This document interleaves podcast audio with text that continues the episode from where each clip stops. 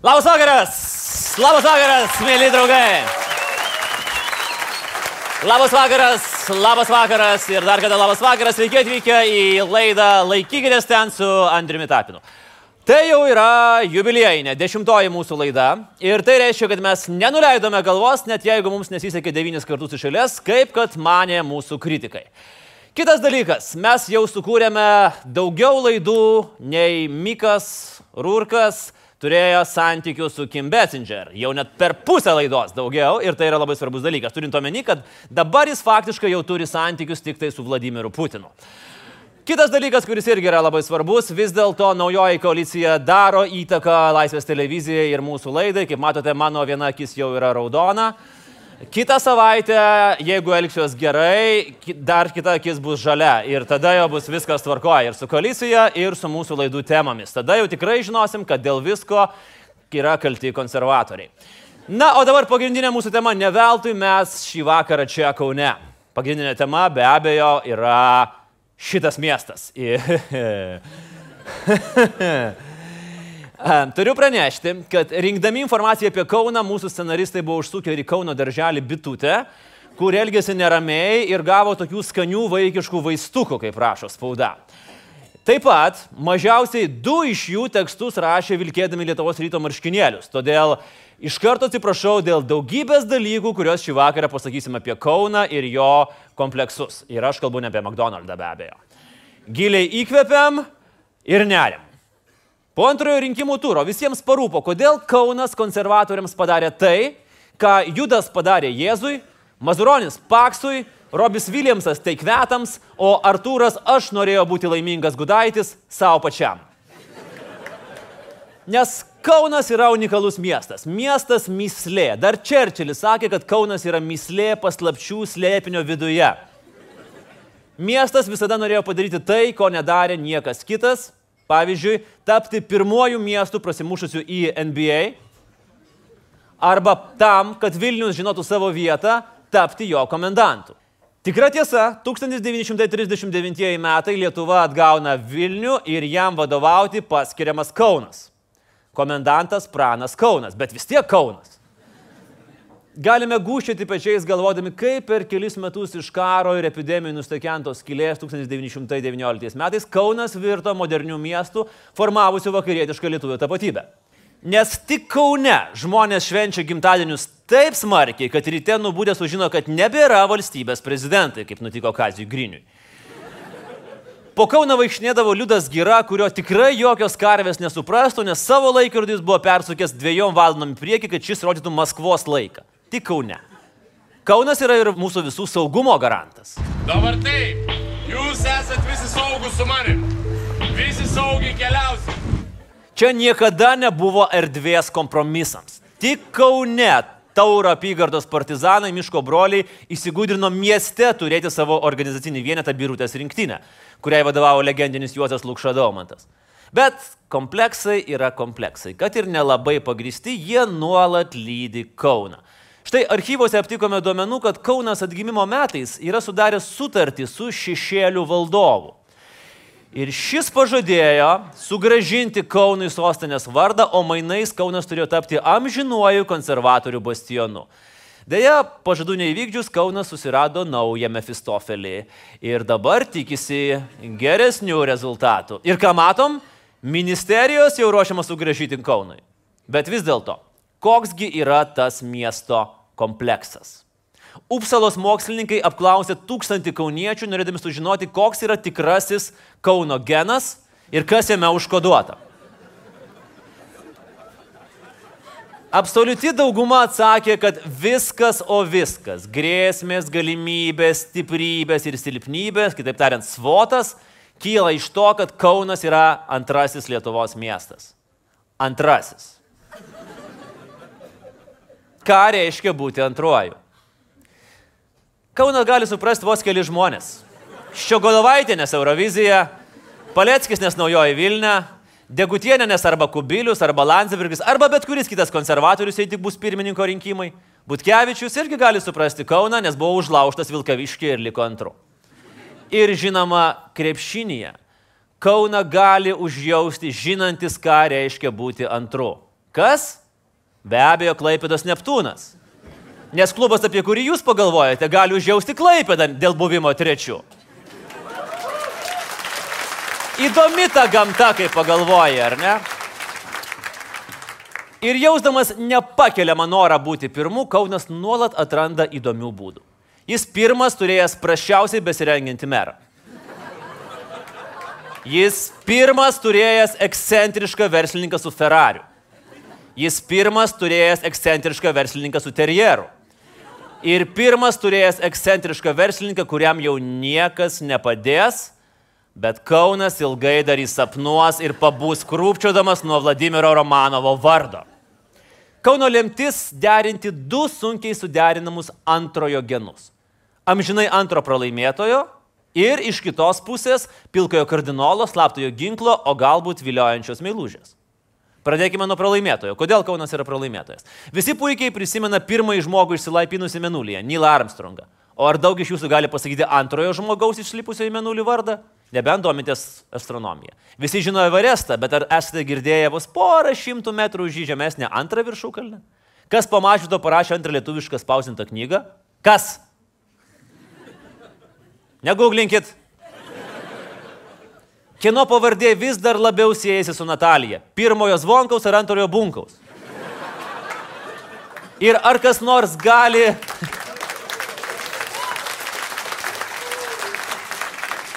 Ir ar kas nors gali įvardinti antrojo darbo partijos pirmininko pavardę?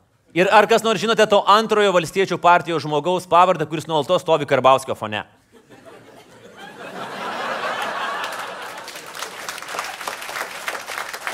Kinijoje, Kinijoje Kaunas apskritai nebūtų galėjęs egzistuoti dėl ten vykdytos vieno vaiko politikos. Būti antru, mėly bičiuliai, tikrai yra nelengva, tačiau Kaunai, Kaune, Kaunai, Kaunai neprarask vilties. Štai keli įkvepiantis pavyzdžiai tau, įrodantis, kad buvimas antru suteikia ypatingų galių. Tu gali būti ir pilkasis kardinolas, ir nematoma meilužė. Pavyzdys iš istorijos.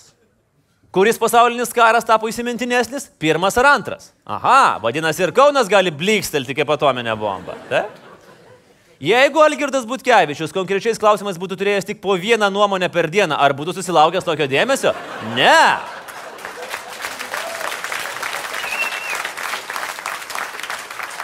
Antras patiekalas visada yra įdomesnis už sriubą. O visi greičiausiai automobiliai važiuoja kurią juostą? Antra. Ir Kauno meras tai žino, jis turi greitą automobilį. Žžž, apie tai mes ir pakalbėsim su juo netrukus. Ir karis jis net nespėja sustabdyti prie perėjos. Ir daugybė pavyzdžių iš kitų šalių. Barcelona, Los Andželas, Sankt Peterburgas, Porto, Krokova, Bergenas. Štai antrieji šalių miestai, kurie dažnai turizmui yra patrauklesni už sostinės. Kodėl Kaunas negali būti šiame sąraše? Kažkas yra pasakęs, Kaunas turėtų tapti Lietuvos Bostonu. Ir mano galva tai yra puikia analogija ir puikus pavyzdys. Ir dar svarbiau, jeigu tu esi miestas meilužė arba meilužis, visada būsi patrauklesnis tiems, kuriems santykiai su miestu žmona tapo rutina arba atsibodo amžinas žmonos bambėjimas. Pavyzdžiui, nuo kogi įsiskverbimą į Lietuvos oro padangę, atsiprašau už tokį dviprasmį, pradėjo Ryanairas. Nuo įsiskverbė į Kauną. Kas išsirinko santoką į Rail Baltica geležinkeliuose? Kauna, ne Vilnių. Ką savo legendos sukūrimui pasirinko legendinė čikagiškė neringa iš Garliavos? Taip, Kauna. Galų galę Šustauskas, kaip daukantas, net šimtą kilometrų pėstute nužygiavo iki Kauno, kad užmėgstų santykius su sostinė ir vis tiek grįžo pas savo meilužę Kauną. Matote, su Kaunu flirtuoja ir santykius mesga visi, kas tik pajaučia Vilniaus atšiaurumą. Tai gal jūs meskit lauktą savo ženklą, kuris atrodo kaip naisių žalčio ir daugiabučio gyvatuko meilės vaisius. Ir deklaruokite miesto meilužės statusą su tam tikrų prieskonių. Erotinių, pavyzdžiui, prieskonių. Kauno funikulierius kyla aukštyn, kada tik prireikia, o Vilnius net stadioną nesugeba pastatyti.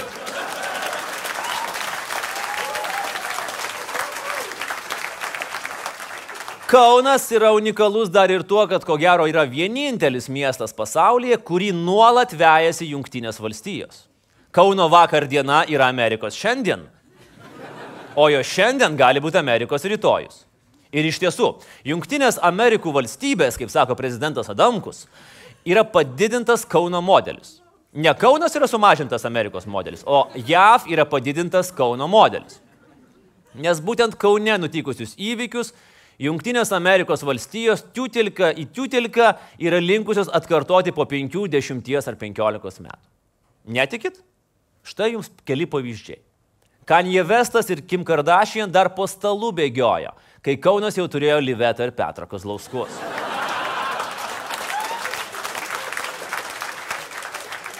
Kaip ir minėjau, Kaunas pateko į NBA, o NBA į Kauną dar kol kas nepateko. Junktinėse Amerikos valstijose Arizona tai yra eilinės valstijos pavadinimas. Kaunegi ar Izona ilgą laiką buvo esminis vietinių gydytojų ir daktarų gyvenimo klausimas. Amerikiečiai išrinko iš pradžių prezidentą Fordą, o iš karto po to Carterį. Kauniečių meistreliams yra visiškai nesvarbu, ar Fordą ar Carterį išrinkti. Jie gali ir išrinkti, ir surinkti, ir net eiliškumas nesvarbu. Matot, kiek pavyzdžių. 2001-aisiais Ameriką užpuolė Talibanas. Kaunas Talibano miestas buvo nuo pat nepriklausomybės atkūrimo su jų lyderiu. Tiesa, reikia pripažinti, ir Kaunas, ir Amerika savo Jordaną atrado panašių metų. Bet tai tik išimtis patvirtinanti taisyklę. Ir galų gale, kol mintis, kad Donaldas J. Trumpas galėtų būti prezidentu, buvo tik absurdiškas pokštas Simpsonuose, Kaunas jau buvo išpūrenęs dirbą ir turėjo savo Šustauerį ir Vytautą Šustauską. Tad remdamasis Kauno patirtimą aš dabar pasakysiu jums, kas bus su Amerika ateinančius 15-20 metų. Klausykitės tautą, nes pranašauju. Ginklų, vertybių ir Biblijos valstybės gal ir įrodė savo reikalus šiandien, bet ateitis joms vis dėlto nieko gero nežada, jeigu remsimės rinkimo rezultatais 2016 metais. Neramu yra ir dėl NBA lygos ateities. Vėl nežino, kaip ten gali atsitikti, jei matysime, kasgi dėjosi Vladimiro Romanovo galvoj tais tamsiais ir gudžiais laikais tarp 2009 ir 2013.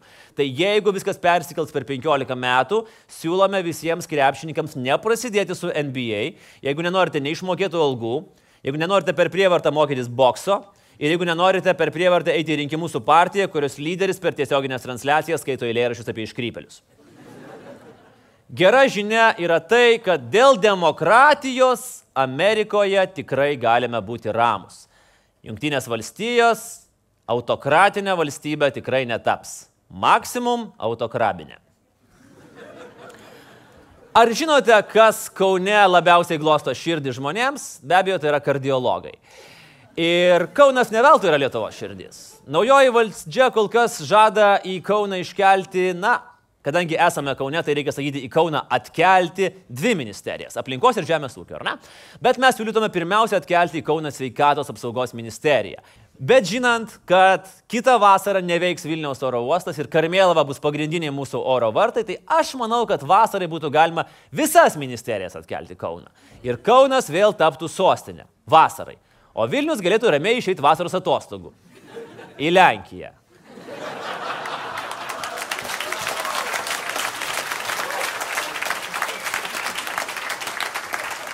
Žinokit, kaip Kaune gerai sueina pokštai apie Vilnių ir Lenkiją.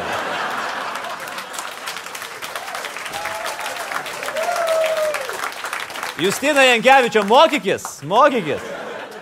Bet grįžkime prie sveikatos. Ministerija čia būtina, nes Kaunas ir medicina visada buvo ir yra neatsiejami dalykai. Ir štai jums gyvas įrodymas. Gyvas įrodymas, kad tikram kauniečiui persikėlimas į Vilnių yra neįsveikata. Vilniaus centras, Vilniaus centras. Gyvena Henrikas dabar pačiame Vilniaus centre, o ar laimingas? Ir jeigu jau kalbame apie tikrus Kauno daktarus, Kaunas diktuoja madas ir sveikatos prevencijoje, ragindamas tikrintis, kol neatėjo bėda, kaip siūlo vyriausiasis Kauno urologas. Manau, kad daugumai mano žaidėjų trūksta užsivedimo, trūksta kiaušinių. Vyrai, sveikata brangiausias turtas. Vieną dieną yra jie, o kitą dieną vat ir nėra. Ir toks įdomus keistas sutapimas. Šito žalgerio daktaro irgi labai nemėgsta teisėjai, kaip ir Henriko. Na, bet labiau už pasipūtusi Vilnių Kaunas nemėgsta tik ko? Savo merų. Per 26 nepriklausomybės metus net 15 skirtingų vyrų mėgino jėgas kaunietiškoje ruletėje. Kai Vilniuje tik 12. Kas dabar numeris pirmas? Kaunas. Kauno merus lydi ir nemirtinga Kauno meilė su konservatoriais istorija. Jie vis nusukdavo į šoną, bet Kaunas likdavo ištikimas ir dažnai atleisdavo. Konservatorių merų karuseliai toną uždavė, gal dar pamenat, Rimantas Tumosa, kuris turėjo pasitraukti dėl netikėto praturtėjimo. Koks netikėtumas? Tik jis tų pinigų nepaveldėjo, kaip nekurie kandidatai į Seimą. O pagautas už rankos teisinosi, kad uždirbo pinigus, I kid you not, Kaune prekiaudamas šalikais. Vat ko nepagalvojo, išsisukinėdamas reikėjo pridėti, kad žalgerio šalikais ir būtų viskas gerai. Dar keli konservatorių merų fiasko ir Kauno kantrybė trūko. Na kiek galima. Ir Kaunas iš 3 milijonų potencialių boyfriendų savo naujai meilės istorijai išsirinko geriausią. Jūs tikrai mokat rinktis. Ubagų vadas Kauno meru, aišku, pabuvo tik pusmetį, bet čia jau toks gyvenimo paslydimas, kurį atsimena visi ir nereikėjo kauniečiams darytis tos širdutės formos tatuiruotės su užrašu Vytautas. Bet kaunietė nenusimink. Vilnius, žinokit, iki dabar po savo kostiumėliais ir hipsteriškais rūbais slepia panašią tatuiruotę, tik su kitu vardu - Rolandas. Pasiblaškė Kaunas su įvairiais veikėjais, bet nauji kompanionai irgi taip ir nepavergė Kauno širdies. Pavyzdžiui, Erikui Tamašauskui nepasitikėjimas pareikštas ir jis iš mero posto buvo išmestas, kol gulėjo ligoniniai. Čia yra tas pats, kas išsiskirt su vaikinu per SMS.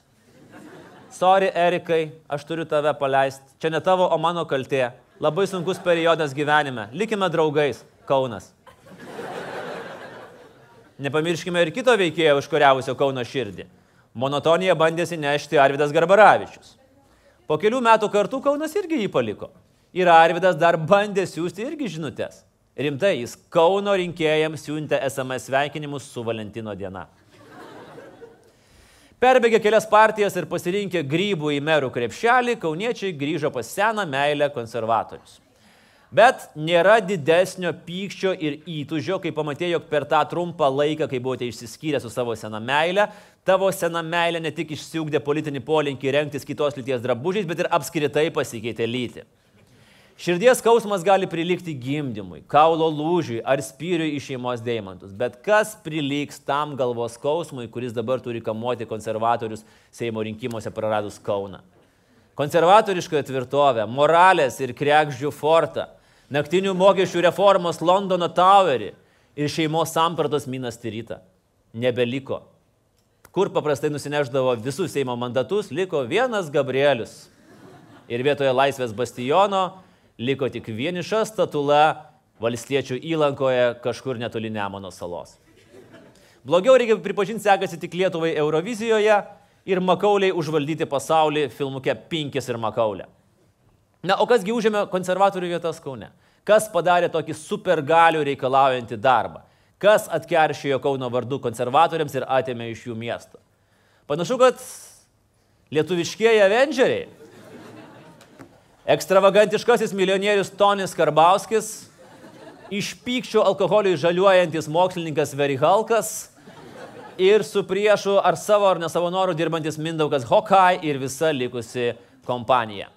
Ir jiems tikrai nebūtų pasisekę be visada viską endorsinančio tokio vieno veikėjo Niko Furi, kuris Kaune yra mūsų šio vakaro svečias, Kauno meras Visvaldas Matijošaitis.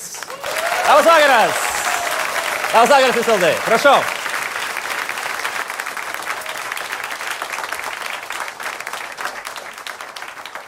O galiu vieną dalyką paprašyti? Gali. Gerai.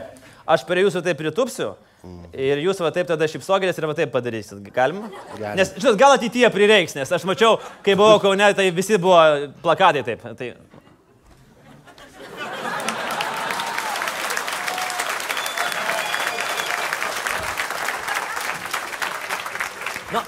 Minimum vietą Seime jau turiu. Bet minimumų nepasitenkysi. O ne, oi ne, mes, žinokit, jau tikrai kuklus nebusim. Uh, Visvaldai, uh, merė, Visvaldai. merė. Visvaldai. Aš ir visi savivaldybė jūs vadina Visvaldu. Ne visi, bet pagrindė. Jums patinka girdėti savo, bal- savo vardą, ar ne? Aš nuo mažens taip įpratęs.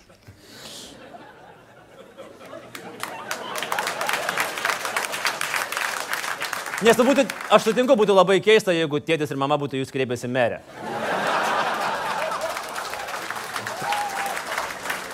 Bet kad aš Visvaldas sužinojau nuėjęs į pirmą klasę, kai pasakė, skaitė sąrašą vaikų, kas yra, sako Visvaldas Matiošaitis. Apsidairiau, nieks nesistoja, reiškia aš. O tai jūs iki tol nežinojot, kas jūs toks Ne, esate? aš žinau, kad aš valdas. A, o tada jau patapot Visvaldu. Nu, aš buvau Visvaldas, tik žinojau, kad valdas. Tėvai nuo jūsų slėpė jūsų vardą dėl tam tikrų. Čia kaip koks tai uh, Džeinė Fey romanas. Sunki, sunki vaikystė. Sunki vaikystė. Sunki. Tas, nuo ko mes pradėjom, tai yra tie plakatai, kuriuos rėmėt visus uh, valstiečių ir žaliųjų sąjungos narius. O pavyzdžiui, jūs žinot, ką jūs rėmėt? Šiek tiek ne taip įsireiškit, gerbiamas Andriau, o rėmiau tik tai tuos, kuriuos žinau. O jūs visus žinot, kurie laimėjo Kaune? Nu, daug maž žinau, bet ne visus. O kiek žinot? Septyni, šešis. Yra. Landsbergį greitai, greitai iš šono. Septyni. Ai, ten Landsbergis tai šeši. Gerai, šešis. Tai gerai, ko, kokie jie? Nu, gražus. O Nu, čia tai- egzaminą dabar duos? Prašau? Egzaminą dabar Taip. duos? Ne. Ne? Nepradedu. Ne, ne. Nepradedu. Ir Karbauskio nežinot. Ne. Oi, tas žmogus prisimins šitą ilgai. Gerai, uh, tada... Tada Karbauskį iš tiesų pažįstu labai senai, bendrau daug nebendravę, už tai ir paremiau. Ir Saulis Karnelį pažįstu senai, o plus su jais kartu ėjo du mūsų vieningo Kauno žmonės, už tai juos irgi remiau. Du vieningo. Kauno. Tai čia, aš suprantu, o jeigu būtų ėję daugiau jūsų vieningo Kauno žmonių Tai reiškia, aš juos pažinočiau, būčiau už juos garantuotas ir būčiau rėmęs. ir būtume dar daugiau ministerijų paprašęs. Nes kaip suprantu, vienas narys į Vilnių, viena ministerija į Kauną. Nu, gerai bus.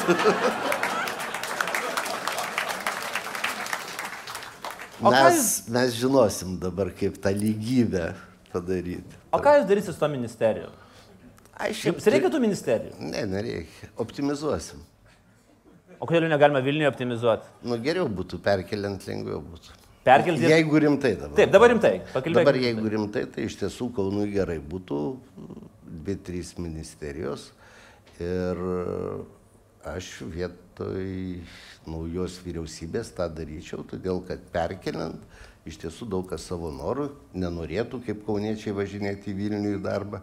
Vilniečiai į Kauną jam būtų sudėtinga, tai išeitų. Ir, o iš ministerijų kokie 50 procentų darbuotojų pilnai užtenka. Jūsų vairavimo ypatumus aptarkime. Mm, Apie numerius aš nežinau, ar verta kalbėti. Lygiai ir išaiškinom, kad tas BBD, jūs sakėt, kad reiškia bring back day ar kažkaip. Čia gal ne visus vertimus daugiau pasakyti. O kokius jūsų pavyzdžiui, nu gerai, tai a, o kokį jūs pasakytumėte tada? Ne, ne, aš laukiu, kol jūs pasakysite. Aš negaliu šitą pasakyti, nes Nes aš tada negaliu. Bet mes abu apie tą patį galvojam.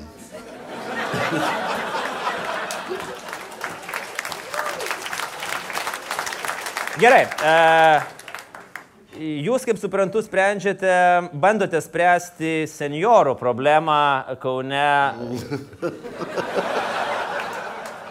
Nestabdydamas perėjo, kai jie eina per perėją. Nu, Lietuva senėjanti valstybė, mes turime kažką daryti. Tai Nu, nu panašiai. vienas mažas žingsnelis merui, vienas didelis žingsnelis valstybei. Miestui tuo labiau. Ką jums tas senolis pasakė? Nes aš tik tai skaičiau, kad labai keikia. Ke, keiki, bet aš nekartosiu to, bet atsiprašau, nuėjau, bet jisai gan gerą mankštą padarė. Vat Zuokas bandė tai čia Vilnių įvesti, o Matijo Šaitis kitaip sportuoja. Gerai, o tada vat, jums toksai paprastesnis klausimas. Jūs vat, važiuojate su savo panamerą, vėl ta pati, ta pati perėja ir matote eina Kupčinskas. Stabdot ar ne? Ne, nestabdot. Ant gazo. Atsėdėsiu.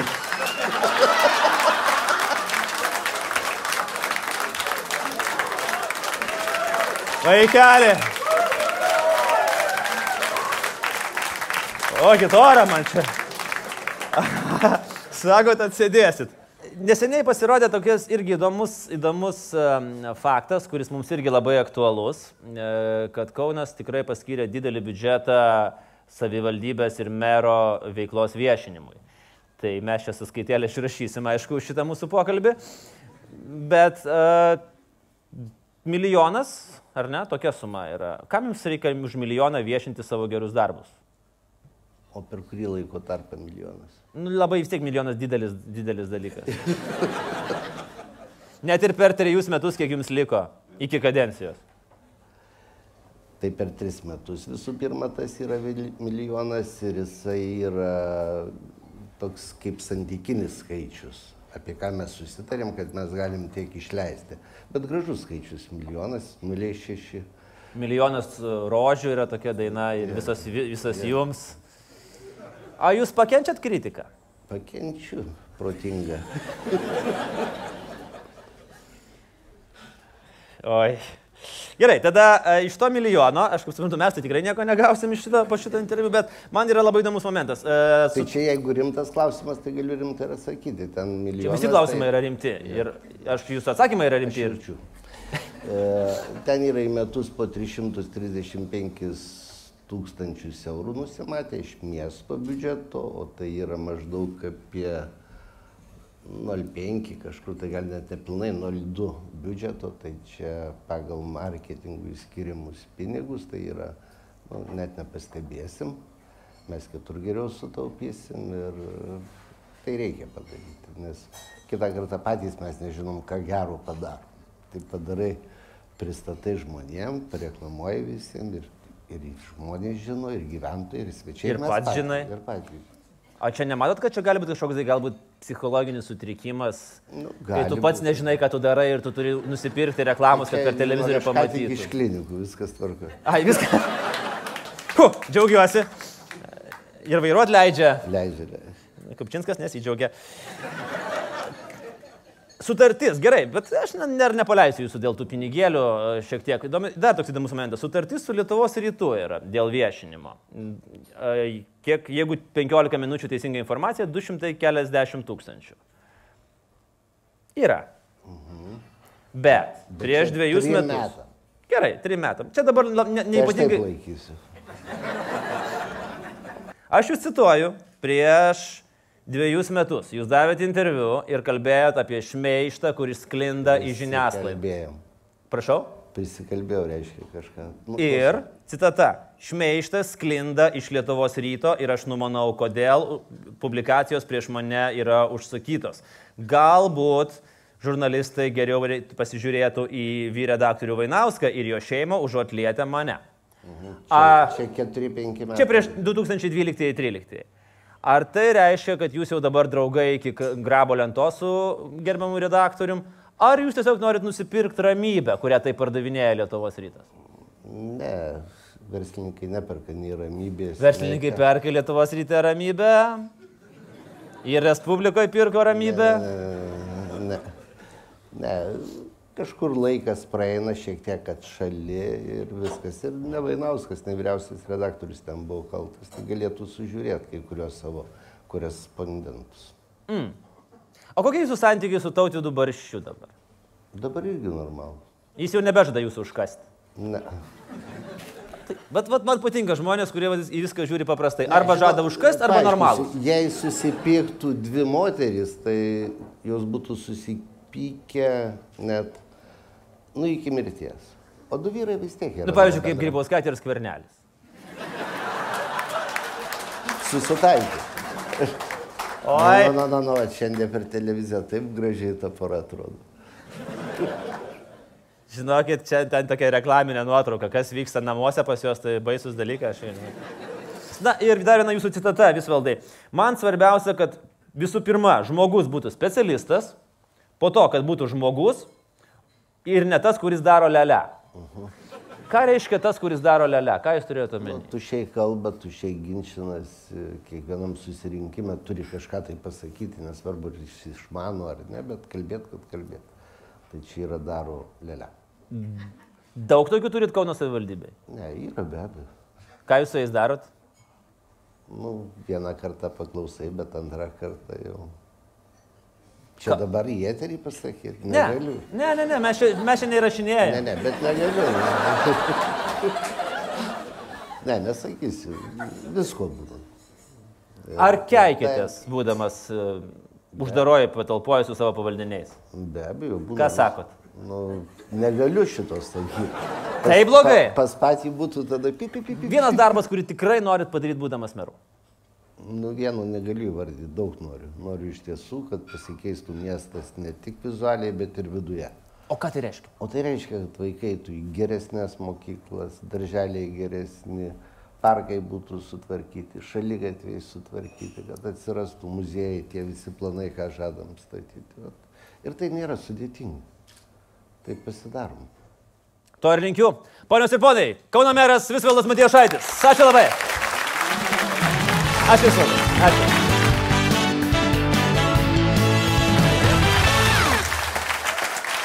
O dabar pereikime prie liūdnų žinių Lietuvos ryto krepšinio fanams. Kaip paaiškėjo prieš savaitę, juos dėja palėtė negailestingoji ne karmos, o Lietuvos geležinkelių ranka. Tai yra tyliai, tyliai, viename iš valdybos posėdžių šiam krepšinio klubui buvo atrinkta trečdalis milijono eurų. A, taip, žik ir yra. Šį kartą mes garsiai net nesiuošiam svarstyti, kad galbūt šis socialdemokratų lesiklėlė tituluojamas valstybinis monstras tokia parama atsidėkojo Lietuvos rytui, bet ne tam, kur su oranžiniais kamoliais, o tam, kur dienraštį vis dar leidžia ir vieną kitą palankų anoniminį straipsnį apie Lietuvos geležinkelius išspausdina, arba premjerą ginančios jo žmonos nuomonę publikuoja. Ne, ne, ne, ne, jokių būdų. Dabar mes ne apie tai, baigit. Ir net ne apie tai, kad tokio dydžio parama įprastai sportui skiriama su fanfaromis, per specialias spaudos konferencijas, per pasirašant sutartis, dalyvaujant žaidėjams, įteikiant komiškai didelius simbolinius čekius ir siekiant kuo plačiau iškomunikuoti gerąją naujieną žiniasklaidai. Ne. Šį kartą apie liūdnas naujienas Lietuvos ryto krepšinio klubui. Nes valstybinė parama, jūs sakot gera naujiena, palaukit, panalizuokim. Ilgai stebėję Lietuvos geležinkelių socialinę atsakomybę, atradome netikėtą teoriją. Jis skamba taip. Brangioji, aš sumažinau mūsų vaikus. Arba suprantamiau kalbant, viskas, prie ko prisiliečia Lietuvos geležinkeliai, arba sumažėja per pus, arba žlunga visai. Kitaip tariant, Lietuvos geležinkeliai daro tą patį, ką ir Viagra, tik priešingai. Ir štai jums įrodymai. Pamenat Rail Baltica projektą, kuris praktiškai kosminiu greičiu jau 10 metų jungia mūsų Europą. Taip sėdam, taip, fum, ir Berlyne. Greičiau už Air Baltica. Su fanfaromis šiemet Lietuvos geležinkelio pristatyta Rail Balticos atkarpa yra bent per pus lėtesnė, nei bet kas galėjo tikėtis. 50 km per valandą vidutinis traukinių greitis 21 amžiuje yra tas pats, kas pašto karvelių naudojimas susirašinėjant Facebook Messengeryje. Lietuviai sako, lietuviai sako kalti Lenkai. Nu taip, aišku, mes tą nuo 36 ar 9 metų kartojame. Apskritai, šiemet paaiškėjo, kad Europos komisija nori stabdyti Rail Baltic finansavimą, nes strateginis Lietuvos projektas po Lietuvos geležinkelių sparnų gali tapti miražu. Kitas dalykas, pamenate bėgius tarp mažiekių rengės? Ne, nes mes irgi jų nepamenam. Nes nepaisant to, kad jie egzistavo iki tol, kol jų prisilietė švelniai Lietuvos geležinkelių ranka ir bėgiai dingo. Išgaravo kaip dūmas, kaip darbo partija iš Lietuvos padangės. Kitaip tariant, brangioji, aš sumažinau bėgių kiekį Lietuvoje. Beje, kas juokingiausia, bėgių pasigėdo ir Latvijai, kur mūsų bėgiai, broliai lietuviai, ir Europos komisija, ir dabar Lietuvai grėsia baudos. Pamenat tą patį jau minėtą dienraštį Lietuvos rytas? Mūsų paskaičiavimais prasidėjus glaudžiam, glaudžiam jo ir Lietuvos geležinkelių bendradarbiavimui, dienraščio tiražas ėmė sparčiai trauktis. Sutapimas? Baigit, nemanau. Ir gal dar pamenate Lietuvos socialdemokratų partiją? Te? Būtent jie labiausiai nukentėjo nuo savo kūdikio. Kaip mažas Heraklis, kuris pasmaugė gyvates, taip ir Lietuvos geležinkeliai užsiaugino tokį monstrą, kuris prisiliečia prie socdemų ir jų populiarumas per rinkimus smunka ir smunka. Tai vad kur garantijos, kad Lietuvos geležinkelių parama Lietuvos ryto krepšinio klubui nėra tas paskutinis judo bučinys prieš gulbės giesmę arba prieš perpus smunkančius rezultatus, kurie, tiesą sakant, pastaraisiais metais ir taip yra smukę, bet Lietuvos geležinkeliai jau ne kartą yra įrodę, kad kai yra blogai, jie gali padaryti dar blogiau. Ir netrukus mes tai sužinosime. Ir tuo pačiu kreipiamės į naujosius Lietuvos mesijus, valstiečius žaliuosius. Na, negi neakivaizdu, Norite sumažinti ministerijų skaičių, atiduokite keletą jų Lietuvos geležinkeliams. Norite sumažinti alkoholio vartojimą Lietuvoje?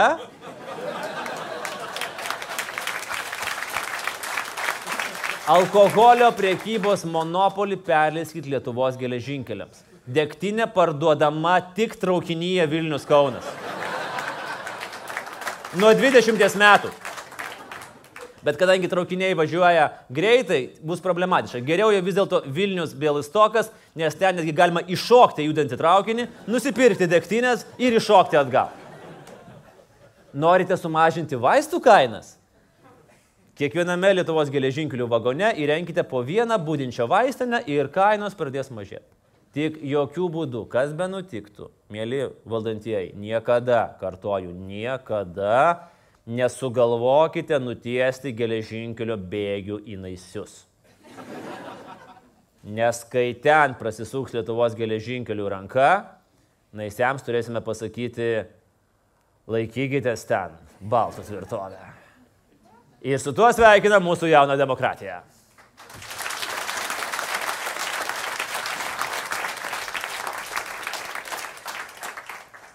Praeitoje mūsų laidoje kalbėjome apie alkoholį. Bet ar tikrai alkoholis ir narkotikai yra tos vienintelės ir esminės svaiginimosi priemonės, greunančios žmonių gyvenimus? Ne. Yra dar viena priklausomybė kamuojanti net ir blaiviausią planetos civilizaciją naisius. Net ir Kauna jį kamuoja. Klinikinis šios lygos pavadinimas - valdžiaholizmas. Arba lotyniškai valdžius maximus gautus est optimus. Dalykas in gyvenimas. Arba tiesiog paprasčiau - svaiginimasis valdžia. Kaip ir alkoholis valdžia kiekvieną veikia skirtingai. Vieni ją siurbia kibirais ir net neįtarsi, kad jie valdžioje sėdi. Kiti, na pavyzdžiui, Rūnas Valinskas vos pauostęs 53 laipsnių stiprumo Gedimino prospekto, tuoj pat paskubėjo paaiškinti įvykusius pokyčius žurnalistams. Aš jūsų kolega, bet aš nebe Rūnas Valinskas, aš vienas iš trijų. Kitusgi priklausomybę pasiglemžia negrįžtamai. Arturas Paulauskas, pirmasis atkurtosios Lietuvos generalinis prokuroras. Pff, prokuratūra, aš truputį valdžios pauostysiu, truputį pabūsiu, o po pros metų dar galėsiu sėti už vairo ir į valdžios alkotesterį nieko nepripūsiu. Taip galvojo Artūras, čiut ne prezidentas, čiut iš Lietuvos nepadaręs naujosios sąjungos, bet greitai prasivaldė ir net nebežiūrėjo su kuo svarbu valdyti. Kažkada vadinęs Viktoras Pasichą užsienio spets tarnybų naudojamų instrumentu, Artūras 11 metais tą patį Viktorą pavertė savo naujų valdžios sugerovų. O šiandien matom, ką daro valdžiaholis. Artūras, kaip ir Vytautas Šustauskas, vėl be darbo. Kas vyksta su žmogumi, kurį ištinka priverstinė detoksikacija nuo valdžios ilgus, ilgus metus? Pavyzdys. Pacientas Darius Kolys, 28 metų tapo įsikūrusius Lietuvos švietimo ministru, pirmuoju. Pirmąjį prisėdimą prie stalo dar atlaikė be užkandos. Bet valdžia, kaip ir alkoholis, klastinga. Patikėkit manim, jeigu netikit, paklausykit Aurelijų Verygą. Jeigu neužkabina iš karto, tai nereiškia, kad valdžia dar neužkabins vėliau. Padirbėjęs prezidentūroje, Kaulys prisiminė tą svaiginantį valdžios skonį ir vad kažkas įvyko. Kažkas įvyko, kad jis ieško ir ieško to visą parą dirbančio valdžios alkobaro ir ieško ir profesionaliai dega žvakutes ir už mergaitę Lietuvoje ir vaikšto su tom žvakutėm ir ieško to valdžios alkobaro. Ir iki šiandien jis profilaktiškai ant dauganto aikštės grindinio rašo savo maldą tiesos. Bet iš tikrųjų turėtų būti valdžios, bet jau nebeišeina. Ir vienintelis variantas, kaip jam turbūt grįžti prie bendro valdžios stalo ir tada jau atsigerti iki soties, jeigu energetikos ministeriją pertvarkysim į labiau tautišką žvakių ministeriją ir tada turėsim tikrai profesionalą, kuris galės jai vadovauti. Viena baisiausių, viena baisiausių politinio alkoholizmo pasiekmių tai yra noras valdyti. Nesvarbu, koks paros metas, nesvarbu kur, nesvarbu su kuo, nesvarbu net ką valdyti. Svarbu. Bet yra ir pozityvių pavyzdžių. Žmonės gali išgyti. Pavyzdžiui, Loreta Graužinienė. Loreta. Puikioji buhalterė, geroji seniūnė, vyriausiai finansininkė, akiloji auditorė, nuostabioji pirmininkė Graužinienė. Galbūt, mėly bičiuliai, net meskime tos galimybės. Galbūt mes juos dar taip pasilgsim. Galbūt mums atrodys rojus tie laikai, kai ji buvo Seimo pirmininkė. Ir mes keiksim save, kodėl mes jai net leidom žodžio lieva tu.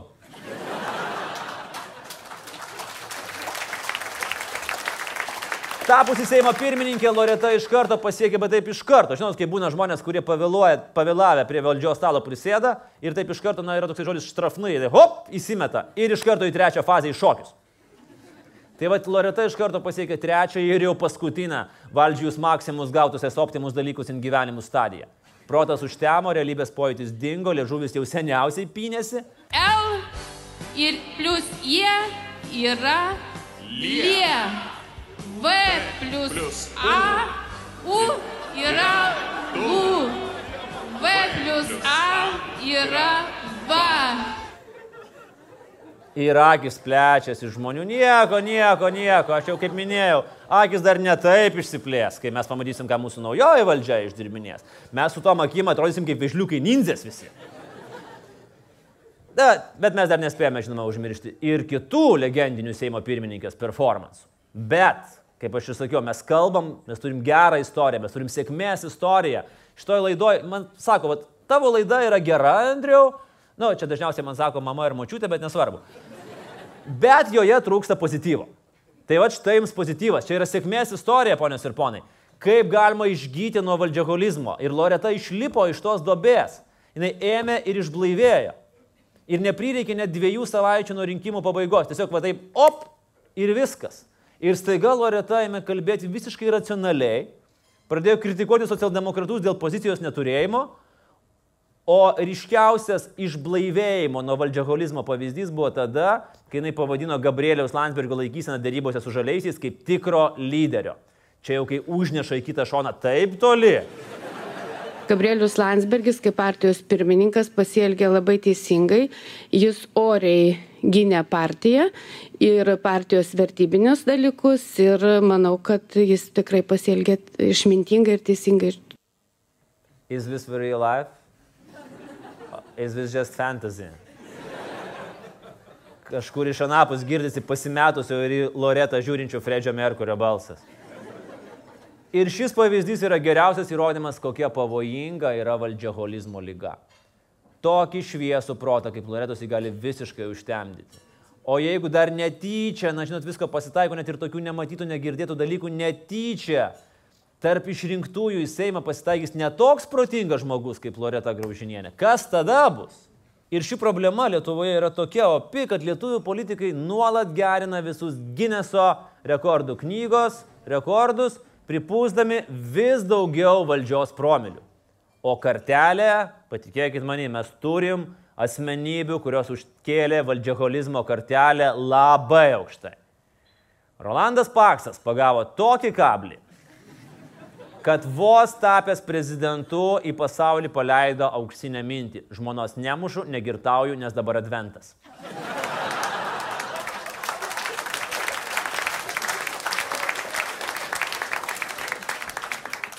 Čia jau ne kablys turi būti. Čia jau visas inkaras. Rolandui net ir draugų suorganizuotas skubus kelialapis į sanatoriją bei ilga reabilitacija Briuselėje nepadėjo. Nes jis vis tiek dar nori valdžios išgerti, nu, po 50 ir sveikatą. Politinės radiacijos poveikis gali pasireikšti itin įvairiomis formomis. Kaip ir netiesioginiai saulės spinduliai, savo žalą valdžia gali padaryti ir žmonėms, kurie tiesiogiai prie jos neprieina. Galimi simptomai - lietapėdystė ir amžinybės pojūtis, nepaaiškinami dosnumo protrukiai, keisto plauko draugystės, Pedantiškumas. Julius Panka. Čia kaip atskiras simptomas. Ir dar yra atskiras simptomas Julius Panka tvarkos ir teisingumo sąraše. Valdžiaholizmas yra rimta kompleksinė problema. Ir gerbiamas Ramūnai, mes siūlome jos neignoruoti. Nepalikite jos nuo šaly. Juk daugelis naujųjų Seimo narių iš jūsų rinkiminio sąrašo jau nemažai tokį stiprų polinkį jau į valdžiaholizmą jau jaučia. Apie juos kalbėjome praeitą savaitę, užpraeitą savaitę, galbūt net ir už užpraeitą savaitę. Nors ne, už už užpraeitą savaitę mes nekalbėjom, nes mes dar nepažinojom nei vieno to nario. Ir dar dabar nesam normaliai susipažinę. Nu tai va, žmoniškai prieit, pakalbėti. Tad ko gero teks kalbėti ir ateinančią savaitę. Ir dar kitą. Ir galbūt net ir dar, dar kitą, nes vis dėlto prevencija yra būtina. Mes turime kovoti su valdžiaholizmu, mes turime organizuoti priekybos valdžia monopolį. Kiek procentų nuo BVP nugula į įvairias tauriųjų gėrimų dėžutės? A? Pagalvokim, paskaičiuokim. Jeigu centralizuotai priekiaujant valdžia ir įtaka, būtų galima užtikrinti, kad valdžia būtų kokybiška ir tiesiai iš Gedimino prospekto, neskiesta jokių dantų skalavimo skyšių listerin, juk būtų visiems geriau. Žinoma, tokie drastiški veiksmai gali suaktyvinti valdžios kontrabandą. Ichtianų srautais iš Kaliningrado, gal net iš Baltarusijos mūsų valdžiai vežinėtų. Ir vartotume, jeigu tik tai pigiau, Aš manau, kad mes vartotume baltarusišką valdžią. Ir žinot, kai kurios tendencijos sako, kad panašu, jog šis šešėlinės ekonomikos sektorius artimiausius ketverius metus vis tiek didės. Ar žaisime mes valdžios monopolį, ar nežaisime. Su tuo mūsų visus ir sveikinu.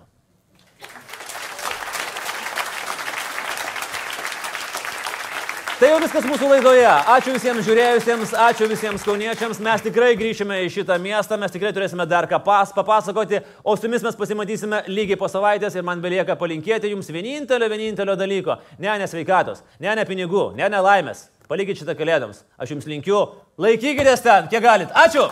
Iki. Ačiū Kaune. Iki.